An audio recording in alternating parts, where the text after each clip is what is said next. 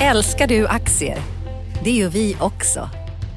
Sea Worldwide Asset Management är en av Nordens största oberoende aktiva aktieförvaltare och har samlad kunskap sedan 1986.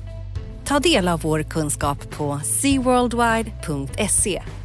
Bokstaven C, worldwide.se.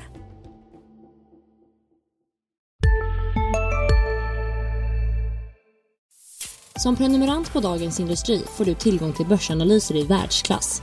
Följ frågorna som berör, lyfter och fördjupar. Bli prenumerant idag på di.se podderbjudande. På Dagens Industris konferens Retail på Sheraton i Stockholm den 11 april får du ta del av erfarenheter och tips från experter inom detaljhandeln. Lyssna till hur bland annat H&M Group, IKEA, Elgiganten, Clas Olsson och Coop möter framtidens kund i en digitaliserad värld. Var med och diskutera ämnen som nudging som konkurrensfördel, nyttan av att skapa valsituationer som knuffar kunden i rätt riktning, framtidens retail. Vad krävs för att vara förstahandsvalet för morgondagens kunder? Digital first. Så skapar du succé i varje kanal genom en homogen kundupplevelse. Välkommen till DI Konferens Retail den 11 april. Boka nu och säkra din plats på di.se konferens. Analyspodden från Dagens Industri. Hej allihopa! Välkommen till veckans avsnitt av Analyspodden. Podden där eh, Dagens Industris analysredaktion diskuterar veckan som har varit och veckan som kommer. Och eh, med oss idag är det jag, Ulf Pettersson och Agneta Jönsson. God förmiddag Agneta! Eh, god morgon Ulf! Eh, du har redan varit igång i tv här, men nu ska vi köra på och prata lite om det viktigaste som har hänt i veckan här och kanske lite vad som händer nästa vecka också. Precis, det var därför jag sa god förmiddag, för jag har varit igång här ett tag medan du kanske var lite senare i starten och då blir det god morgon för dig. Precis. Mm. Bra! Nej, men det har ju hänt jättemycket grejer. Eh, eh, H&M är upp 14 procent här på förmiddagen efter en timmes handel på fredag, fredag förmiddagen. Eh, är ju jätteintressant. Swedbanks bolagsstämma måste vi ändå eh, förstås eh, avhandla en del. Eh, vi har Attendo, vårdbolagets vinstvarning som helt försvann. Vi gjorde bara en, en notis på det där efter all Swedbanks bevakning. Men den är värd en liten större, större redogörelse än så tycker jag i podden. Och så har vi ju en förhoppningsvis en vecka nästa vecka också. Precis, det, tar, det tycker jag vi slutar med, utan vi börjar med vad som eh, har hänt nu. Mm. Vi kanske ska börja med det positiva då. Eh, H&M's rapport här på morgonen som överraskade marknaden ganska ordentligt vad det gäller resultatet i alla fall, vad jag förstår. Ja, den är ju en eh, den är upp alltså 15 procent här. Vad är det då? Det är 25 miljarder kronor som som, som börsvärdet ökar och hälften av det är familjen Persson. Så de tjänade 12,5 miljard här, i, eller tjänade, men deras förmögenhet ökade 12,5 miljard här på någon timme. Så det är nog eh, glatt, glatt i deras familj. Men det som har hänt här är ju att eh, eh, eh, eh vinsten kom in på drygt en miljard. Man hade förväntat sig eh, runt 600-700 miljoner kronor någonting. Så det är 50% bättre eh, och det är ju bra för aktiekursen. Det som jag tycker var kanske ännu bättre det är att eh, bruttomarginalen faktiskt ökade i kvartalet jämfört med kvartalet förra året. Den uppgick till 50% prick mot 49,9 eh, för ett år sedan. Och den, det, så har det inte sett ut för de här lite mindre bolagen, Kappahl, R&B och MQ som har kommit. De har tappat eh, bruttomarginal till följd av starkare ja, högre inköpspriser och, och, och, och ja, framförallt det kanske. Och pris, prisnedsättningar. Men där klarar sig H&M bra. Och det som jag tycker det som jag tror att det blir ett riktigt rally, lite större rally än vad, jag, än vad siffrorna indikerar, det är väl att massförsäljningen har ökat i lokal valuta 7 eh, Och då kan man jämföra det med att, 4, att den ökade 4% under första kvartalet och första kvartalet 18 så var det ingen ökning alls. Så det där är nog den bästa siffran på bra många år skulle jag säga och det är nog en siffra som indikerar att faktiskt försäljningen i befintliga butiker ökar för de har inte ökat antalet butiker med 7% men däremot försäljning med 7 Så det, det där gör ju att man kanske kan förvänta sig eh, en ganska stark vinst här i 2019 om det fortsätter så här. Precis. Det här med lagret som vi har varit oroliga för en längre tid, det låg ju fortfarande kvar på höga nivåer, 18 procent. Ja. Eh, ska vi bekymra oss över det? Det är klart man ska bekymra sig över det där. Eh, att, eh, att de inte har fått, fått ner lagret som ökade under kvartalet och även har ökat i relation till omsättningen. De har ett mål på 12 14 procent av omsättningen i lager. Nu är de uppe på 18 så där finns ju en 5 procent. Det är ju ett lager som kanske är 10-15 miljarder för stort helt enkelt.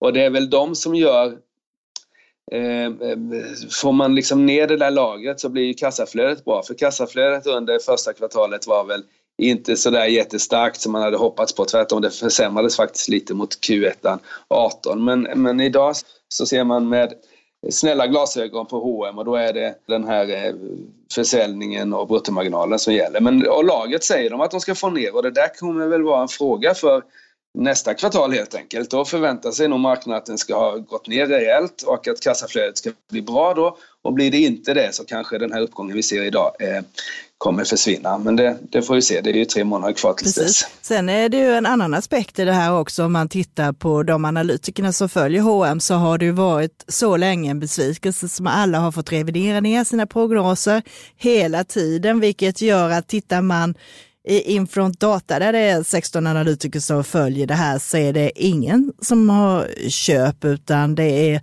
en som har sälj och nio stark, sälj och sex behåll och sen finns det väl någon enstaka ute i världen som har köp. Men det är väldigt negativ syn på H&M nu och det påverkar ju också när det kommer en starkare rapport för då måste ju liksom alla börja titta över sina prognoser åt andra hållet.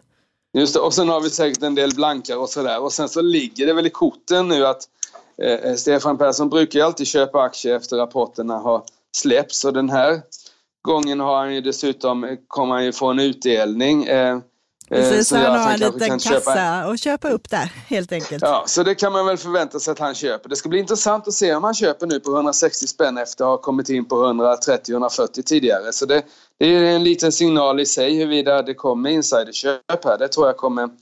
Skulle han göra det så tror jag den kan gå lite till bara på den informationen om det inte dyker upp något sånt där så, så kanske den backar lite grann. Men det finns ju som sagt, och även om jag var inne på det, det finns säkert en del blankare här också eftersom riktkurserna generellt i marknaden som du var inne på ligger ju mycket, mycket lägre än aktuell i börskurs. Och eh, så, det, så det var ju, det är många som behöver justera upp nu och det är många som behöver täcka sina korta positioner. Och det är det som gör att aktien går som ett skollat, eh, en skållad råtta här på morgonen. Lite mer än vad jag trodde faktiskt. Jag, satt i tv-sändningen och pratade om 5% kanske, men nu är det ju 15. Så det, Precis, och det, det hade det, väl 5% hade väl kanske varit normalt så att säga med en vanlig setup. Men i och med att du har alla det här med blankar och den här negativa biasen mm. Eh, så blir det extra kraft. Ja, och sen tror jag, sen så har ju efter rapporterna släppts här så har ju faktiskt både, eh, har ju Carl-Johan Persson, VD på H&M varit ute och pratat om att att han räknar med att hålla den här varulagernivån som han, som han liksom satt i utsikt, 12-14 procent, och att capex, alltså rörelsekostnaderna, ska gå ner till de här 10-11 miljarderna som de har, har satt också som mål. Så liksom det, det, är mycket, det är mycket de ställer i utsikt här inför året och lyckas de med det här så förstår jag uppgången. Misslyckas de så, så blir det en ny sväng neråt. Men eh, det är i alla fall roligt att, att det går åt rätt håll för H&M här efter många år av fallande kurser. Precis, vi behöver lite uppmuntrande på börsen och att H&M går upp gör också att index håller sig. Annars har vi ju ganska dystert. Eh, längst ner på skalan så har vi bankerna igen här idag då. I och för sig så är en ja, hel del utdelningar här. Du har ju Swedbank, eh, som tappar 8,6 eh, procent idag. Men eh, tar du bort utdelningen så är de ju faktiskt egentligen upp lite. Men även Nordea har kupong och de tappar 10,6 procent. Så de tappar liksom 1 procent mer än vad de, utdelningen är motiverat. Just det, och så har du SEB då som är ner mest av bankerna eh, justerat för utdelningen, nämligen 2,5 procent här efter en timmes handel ungefär. Och det där är vi måste ju prata om bankerna, för det som man börjar notera nu, vi får ju prata om Swedbank och det stämma och sådär och vad som kan hända fram, framöver. Men om vi tar SEB först så är det lite intressant att den tappade 5-6 procent i, i torsdags och nu 2,5 här och det är väl att man räknar med att eh, SEB är eh, nästa bank till rakning här efter att Nordea och Swedbank har, har så att säga varit i klorna på, på, på myndighetsproblem och sånt. Precis, visst, visst är det det som kom upp igår var Danske eh, Banks analysavdelning som Eh, skickade ut en liten kommentar om att eh, det kan vara så att eh, SEB som då kom lindigt undan när man höll på med den här med Panama-dokumenten 2016 har en rådgivningsverksamhet i Luxemburg. Eh, så därför var det inte så mycket snack om det. Men eh, då gjorde de kopplingen att det kan ju finnas kunder där som då har använt sig av den här advokatbyrån Mossack Eh, Fonseca som då i sin tur då kanske har hjälpt ryssar och ryssar brukar slussa ut pengar via Panama och ett sådant resonemang. Nu är ju det bara som de säger ett teoretiskt resonemang, men i och med att marknaden är så nervös så slår man ju stenhårt på sånt där. Ja, och tar man Swedbank, vilket det finns ju mycket man kan säga om det, men något som jag tyckte var mest frapperande av det som har dykt upp sista dagarna här är ju dels den här Uppdrag granskningsprogrammet eh, eh, eh, där de mot slutet av programmet då visade att Swedbank hade haft en koppling till Fonseca med ryska pengar som hade slussats till, till de här penningtvättaröarna så att säga. Och att Swedbank då tydligen till, i ett svar till amerikanska finansmyndigheter har sagt att de inte haft någon koppling just till Fonseca-ärendet. Och det är klart att det där är ju inte bra och eh, man kan ju då, som en Danske Bank tydligen gör, eh, befara att SEB också har så att säga haft Fonseca pengar fast vi inte har sett det för det var i, som du sa i Luxemburg och inte under SEBs namn och då har de här Uppdrag granskning-journalisterna liksom inte, inte, inte kopplat de där eh, transaktionerna. Men det är väl något som kan i, eventuellt börja liksom rota sig nu då. Det är det som sänker eh, SEB-aktien här med 7-8 procent bara på ett par dagar. Precis, sen eh, de säger ju då SEB att de, samma som de har sagt tidigare, att de inte kan se att de systematiskt har utnyttjats för ett penningtvätt och alltihopa det här och att eh, de samarbetar med myndigheter fullt mm. ut och alltihopa det. Och eh, är det så så kommer ju det att synas så småningom här helt mm. enkelt. Bara det mm. faktum att man eh, måste svara på frågor och är utredd behöver ju inte betyda att det är någonting. Men på en sån här nervös marknad så reagerar man ju eh, mycket på, på det här. och det. det kommer väl att klarna så småningom och jag tror ju också att det finns en liten oro i marknaden. För har vi sett hur de här läckorna har föregått? Så här, de, eh, SVT fick ju sitt material då, så att säga, från en källa som lämnade över underlaget till det här. Det har ju tidigare förekommit att det har lämnats in transaktioner om Nordea på samma sätt. Finska Yle fick ju material då från förmodligen samma källa som rörde Nordea. Och det. Eh, det. har lämnats in om Nordea till eh, Ekobrottsmyndigheten, men då visade sig att de där transaktionerna var för gamla så att de brydde sig inte om att väcka något åtal. Och det är som du säger då, SEB har inte trots att det är näst största bank i Baltikum, har inte dykt upp något material och då mm. väntar väl kanske marknaden på att det ska dyka upp ett USB-minne hos någon redaktion där också så att säga. Mm, så är det. Men du, du som har bevakat bankerna för, för vår räkning här. Har du någon kort reflektion hur du ser på det? Vad det är som du tycker är liksom sticker ut och sådär? Om vi tar Swedbank och stämman då och Bonnessons eh, sparkningen av bon, Bonnesson och allt sånt där. Precis, vi har, har ju tidigare på DI pratat om det här att vi inte trodde att Bonnesen skulle sitta kvar. Men däremot att ge henne sparken en timme innan stämman, det kanske var lite väl eh, dramatiskt. Men eh, det som du sa innan här, de här grejerna som kom upp på kvällen innan, samtidigt som det då kom upp också att Ekobrottsmyndigheten gjorde ju ett tillslag då för man på det bankens huvudkontor där man dels ville titta på det här misstanken om otillbörlig insiderinformation, då det här att några ägare fick veta att UD, Uppdrag granskningsprogrammet skulle komma några dagar före. Men också så kallar man ju det här då för eh, att det också kan vara eh, grovt eh, bedrägeri det här att om man nu har vilselett hela marknaden genom att säga att man inte har några sådana här kunder och att man inte har några problem, men att man faktiskt hade det, då är ju det allvarligare och det gör ju också att saken kom i ett allvarligare ljus där kvällen innan stämman.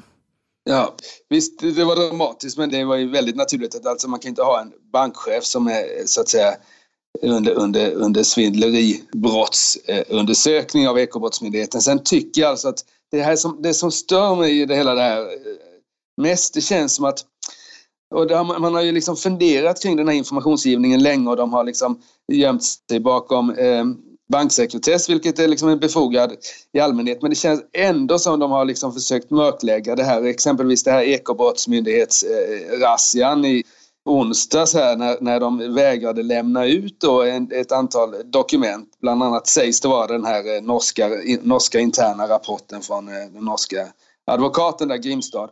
Och att man liksom inte, och så sitter man och säger liksom dagen innan och dagen efter att vi samarbetar fullt ut med myndigheterna. Men det är klart, lämnar man inte ut den där då, då är, samarbetar man ju faktiskt inte precis som Ekobrottsmyndigheten sa. Och skriver man till amerikanska finansmyndigheten, vilket vi inte riktigt vet om, men som uppdrag i alla fall säger att, att man skriver att nej, här, vi har inga affärer med, med våra kunder har inga affärer med Monseca eh, advokatbyrån. Och så visar det sig då att de sannolikt har det. Så då undrar man ju liksom, då litar man ju inte på dem och det är då och, och liksom banker är ju något speciellt tycker jag. Att, alltså det vimlar jag eller vimlar men det, man har ju, det finns ju ett antal stora affärer.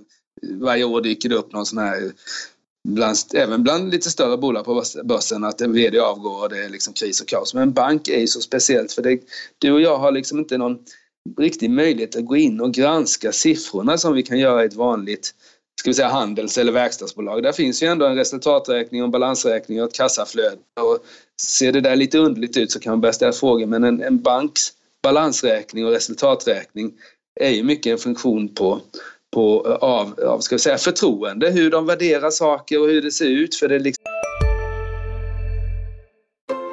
Just nu pågår vår stora season sale med fantastiska priser på möbler och inredning. Passa på att fynda till hemmets alla rum, inne som ute, senast den 6 maj. Gör dig redo för sommar. Välkommen till Mio. CSRD, ännu en förkortning som väcker känslor hos företagare. Men lugn, våra rådgivare här på PWC har koll på det som din verksamhet berörs av.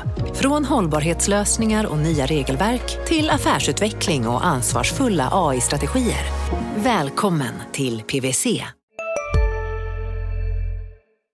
Liksom, vi har ingen aning om, om det finns liksom hål i balansräkningen utan vi måste lita på styrelse och ledning och nu är förtroendet för eh, eh, Swedbanks styrelse och ledning i botten kan man väl säga.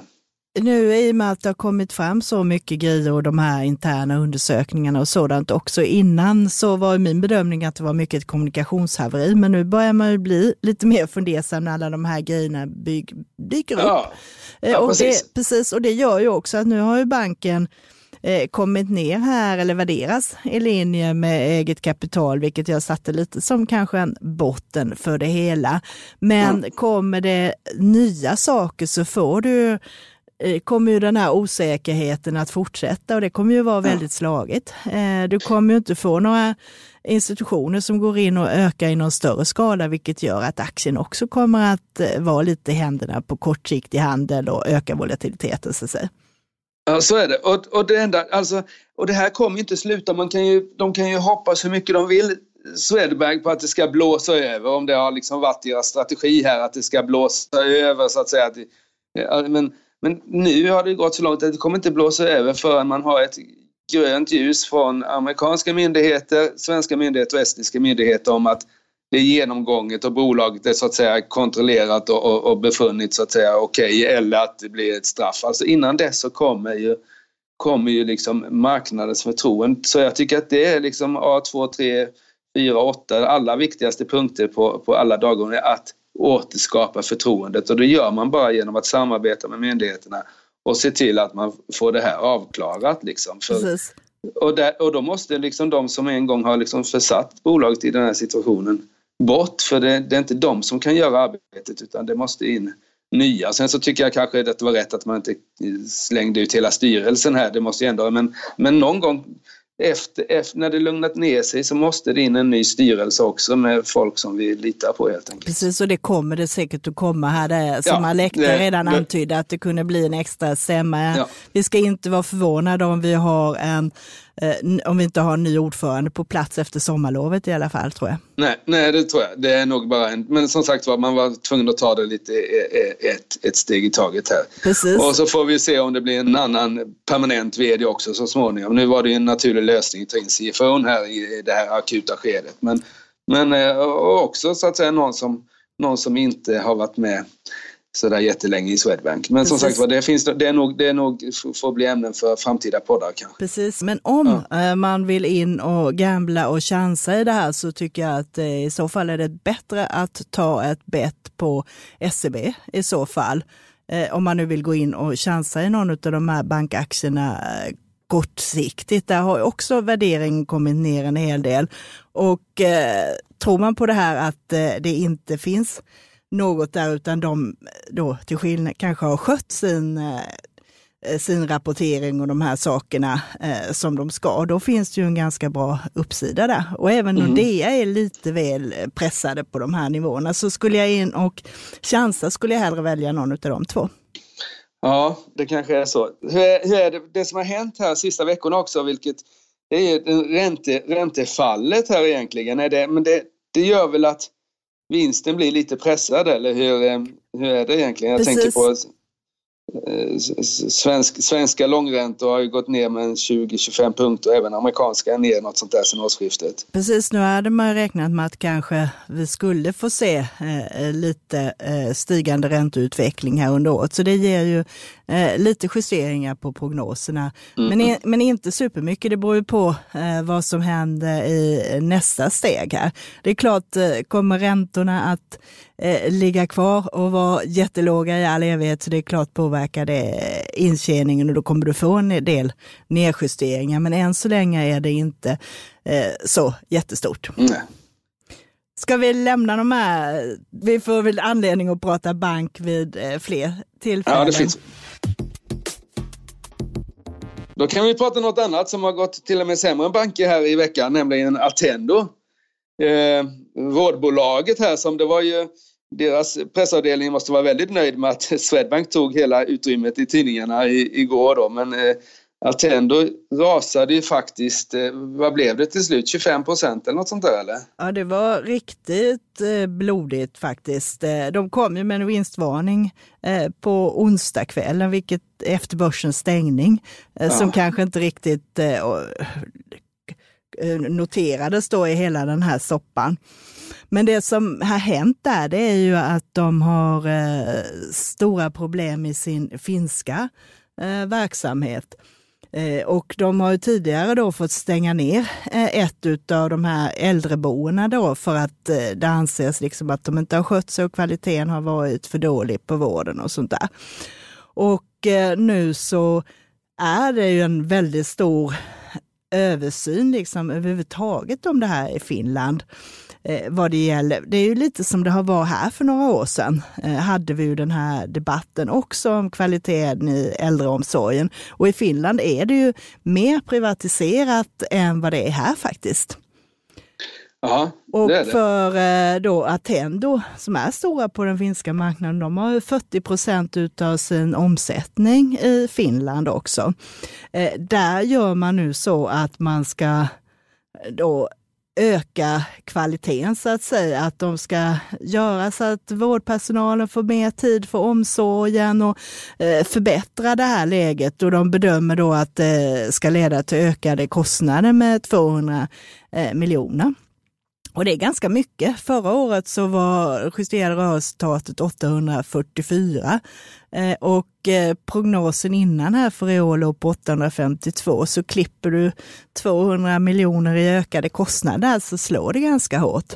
Ja, och precis. och det är ju inte ofta annars liksom när det dyker upp sådana här vinstvarningar så är, brukar det ju inte, brukar det ju vara liksom Jaha, det här kvartalet gick dåligt och det kan vara dåligt några kvartal framöver. Men det här framstår ju som 200 miljoner som kommer ligga som en kostnadspost för all framtid så att säga. De hoppas på att kunna få eh, att ändå kunna få liksom lite höjd ersättning sen och det är något, eh, något ny, någon, ny, eh, någon ny lag som ska till. Men, men det som marknaden tror och vilket jag tycker är en befogad tanke det är ju att, att vinsten ska så att säga vad det gäller alla prognoser ska den ner med 200 miljoner och då är det en 20-25 procent och det är precis det som den har fallit här så det är inte någon överreaktion, tycker inte jag i alla fall. Jag vet inte om du som har kanske tittat lite närmare på Attendo sista tiden. Nej, du hamnar lite där eh, om man, om man justerar ner som du säger eh, för det som jag tittade på i höstas eh, och du har en bibehållning värdering, de handlas ungefär gånger eh, 20 gånger innevarande vinstprognos. Och då hamnar du på 58 spänn. Tittar du Carnegie, de justerar ner sin riktkurs igår från 80 till 55 så att eh, du hamnar där det är så pass stort här. Och sedan så är det ju som sagt man vill se lite bevis på det här. De säger att de kanske kan justera upp marginaler och sådant, men det lär ju dröja. Det lär inte synas det närmaste halvåret i alla fall. Nej. Nej. Så att, ja, så att det, är, det är trist och det är ju också den här ja, den här risken i de här politiska verksamheterna. Du har ju tittat mycket på skolorna och de här grejerna. Ja, och det är lite intressant. Alltså tar man, tar man eh Eh, eh, Eh, eh, om man, så att säga, nu är det ju kvartalsskifte här eh, och det är ju liksom alltid kul och då har ju börsen haft ett väldigt bra start, 12% upp. Eh, och lägger man då in den här konjunkturen, trots att konjunkturen har försvagats, så hade man liksom fått gissa då om man hade vetat här så liksom, jaha, börsen upp 12% och konjunkturutsikterna kommer att försvagats. Vilka är vinnare och förlorare på en sån börs? Så är det ju liksom, hade man ju haft nästan alla fel då. För vinnare är Boliden och verkstadsbolagen och förloraren är eh, konjunkturokänsligt som eh, eh, Attendo och då Engelska skolan som är ner än 25-30 procent här och det är ju Problemet är att vi kanske har liksom underskattat dessa bolags risk. Okej, okay, de har inte någon konjunkturrisk och de har inte någon marknadsrisk för det är ändå en växande marknad med äldre och yngre som ska liksom in i skolan och i vårdhem. Men det finns en politisk risk och det är den som, det är den som Attendo råkade ut för. För det är inte Attendo självmant som har liksom eh, sett till att öka kostnaden med 200 miljoner bara sådär utan det är ju ett krav. Det är ju också en, det är också en media, mediegranskning som föranligger det här som har fått politikerna att vakna och liksom kräva, kräva liksom mer kostnader. Och det, där, så det är svårt för liksom skolorna att, att liksom parera det där för det är ändå, de är ändå under politiskt styrda verksamheter så att säga. Trots att det är friskolor så är det, är det politikerna som sätter krav på hur det ska se ut. Ehm, och då blir det sådär. Ehm, eh, och den här euforin kring, kring de här bolagen som fanns när de börsnoterades har ju eh, väldigt mycket försvunnit här. Det gäller Attendo nu och det har gällt internationella skolan tidigare här under kvartalet. Precis, och det som, som jag gillade i Attendo var ju just det där att man inte var cyklisk och man hade en stabil utveckling och en stabil tillväxt. Men när det händer sådana här saker så ruckas det ju det på ganska kraftigt. Det var ju inte därför man köpte det så att säga.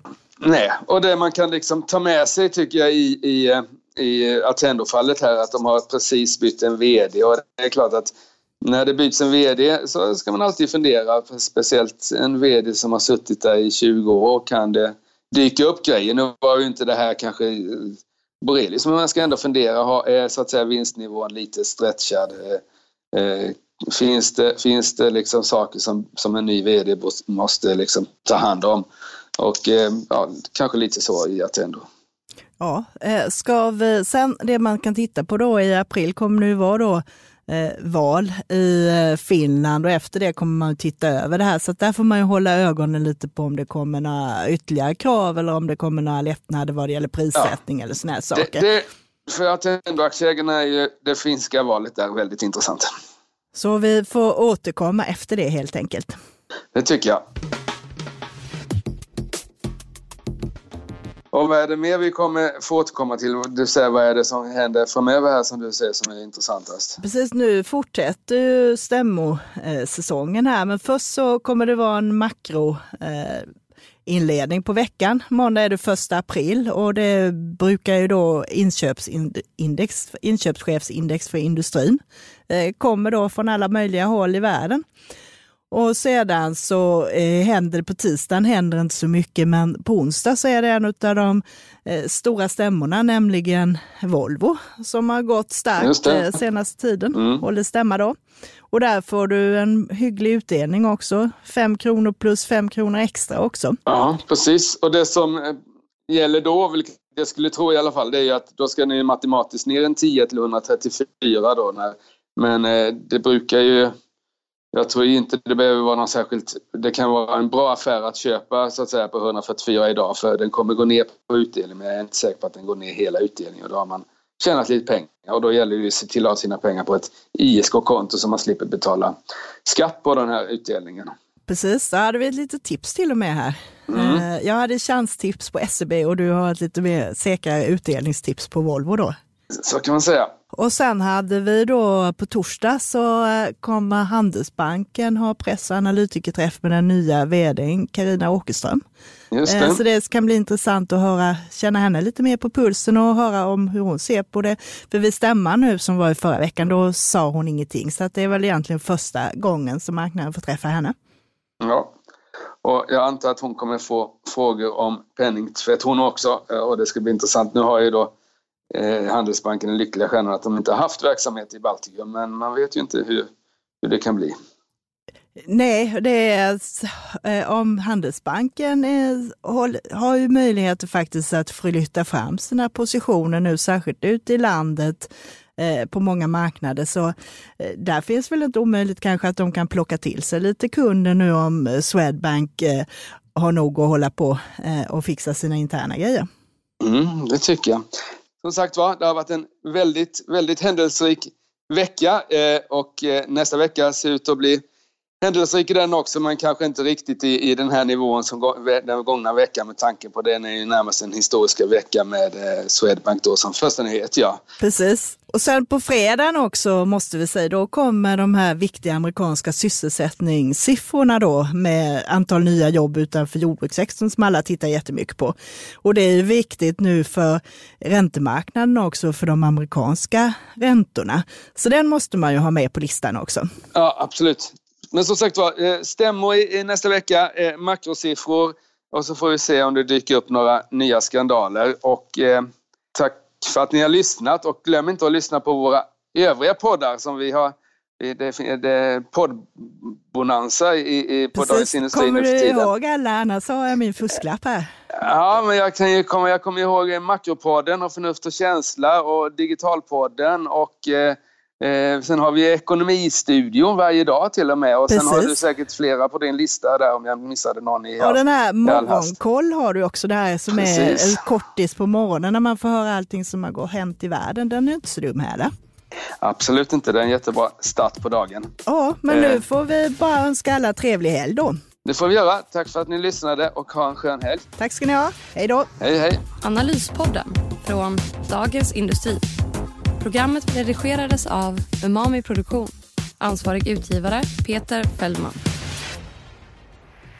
På Dagens Industris konferens Retail på Sheraton i Stockholm den 11 april får du ta del av erfarenheter och tips från experter inom detaljhandeln.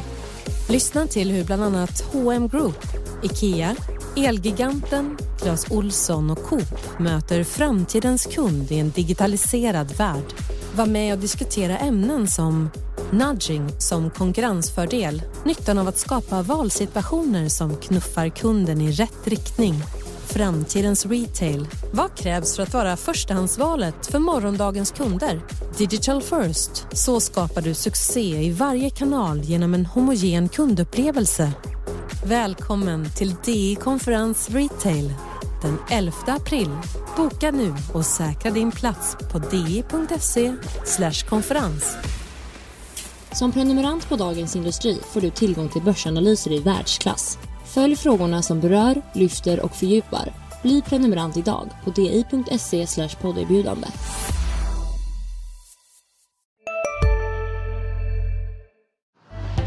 Älskar du aktier? Det gör vi också.